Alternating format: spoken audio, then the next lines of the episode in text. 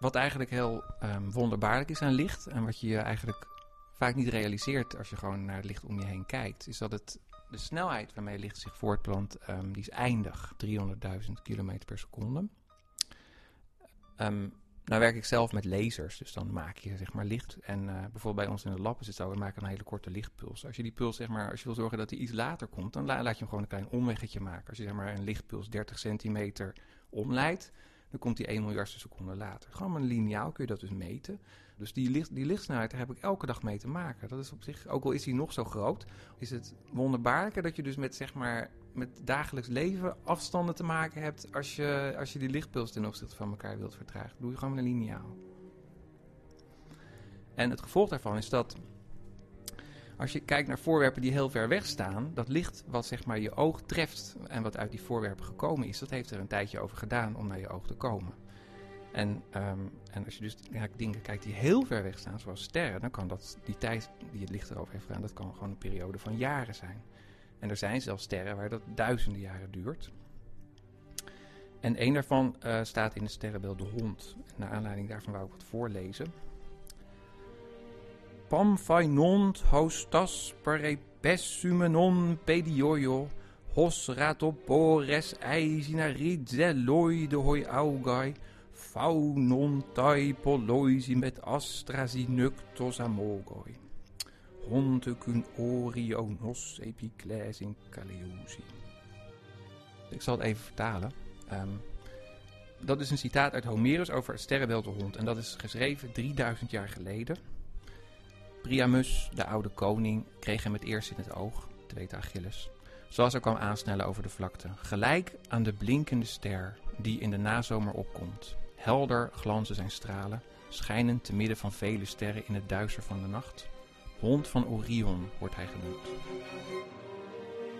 En het grappige is, in dat sterrenbeeld Hond uh, staat één ster. Die staat ongeveer op een afstand van 3000 lichtjaar. En als je dus naar die ster kijkt, dan dat zijn dus gewoon fotonen, lichtdeeltjes, lichtstralen. Die zijn daar vertrokken van die ster toen Homerus die regels schreef. Dat is echt ontzettend um, um, bizar. En ook in alle richtingen. Dus daar, daar gaat van zo'n ster, worden er fotonen in alle richtingen zeg maar, uitgezonden uiteindelijk komen er een paar daarvan, als jij daar op zo'n Grieks eilandje s'avonds met je glaasje wijn naar de sterren staat te kijken, naar dat sterrenbeeld de hond. Die, die fractie fotonen die je uiteindelijk van die ster ziet, die is in wezen oneindig klein. En als jij een, zeg maar zo'n foton bent, dan ben je dus, als je zeg maar op weg bent naar iemands oog op aarde, die zeg maar net naar de sterren staat te kijken, bijvoorbeeld op dat eilandje uh, waar Homerus die teksten schreef, dan ben je Eerst ben je 3000 jaar onderweg, min of meer door vacuüm, want het hele is gewoon in wezen leeg. Um, en, en je reist samen met al die andere fotonen, want licht, zeg maar, een lichtbundel bestaat uit heel veel fotonen.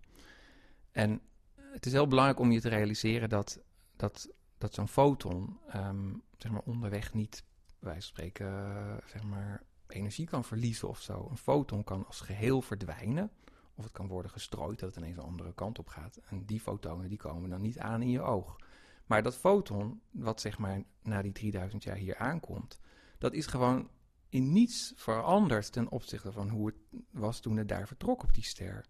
Maar dat geldt natuurlijk ook voor atomen. Hè? Als je zeg maar daar in Chios bent, waar Homerus dan geboren is, tenminste dat denken veel mensen, dan kun je daar natuurlijk, uh, je kan daar zeg maar zand pakken. Daar zitten ook atomen in die zijn ook uit de tijd van Homerus. En die zijn ook niet veranderd. Ik bedoel, al die zeg maar, slijtage is iets uh, wat op, uh, niet, op, niet, op, niet op atomair niveau gebeurt. Daar blijven al die dingen hetzelfde. Tenminste, uh, zeg maar op de tijdschaal waarop wij leven dan. Ja.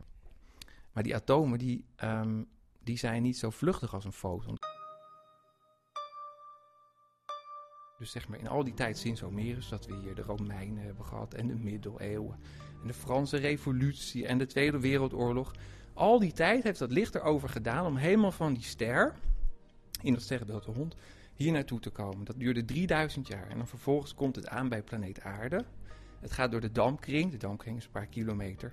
Dus dat gaat ineens, voor dat licht is dat een, een afstand van niks. Dat gaat echt zeg maar in een, in een tienduizendste seconde of zo. Dan gaat het door je oog. Dat duurt zeg maar maar iets van een biljoenste seconde. 10 tot en min 12 seconde. En dan uiteindelijk treft dat licht een molecuul in je oog. Dat heet retinol. En dan verdwijnen die lichtdeeltjes, dan worden ze geabsorbeerd.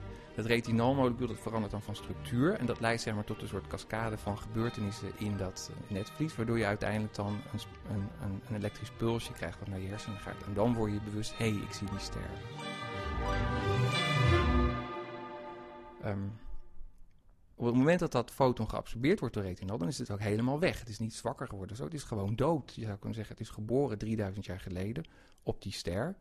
Het heeft die hele lange reis gemaakt. En op het moment dat jij dat licht ziet, of eigenlijk iets daarvoor al, is het geabsorbeerd door dat retinolmolecuul. En dan is het foton weg, dan bestaat het helemaal niet meer. Er is ook niks van over of zo.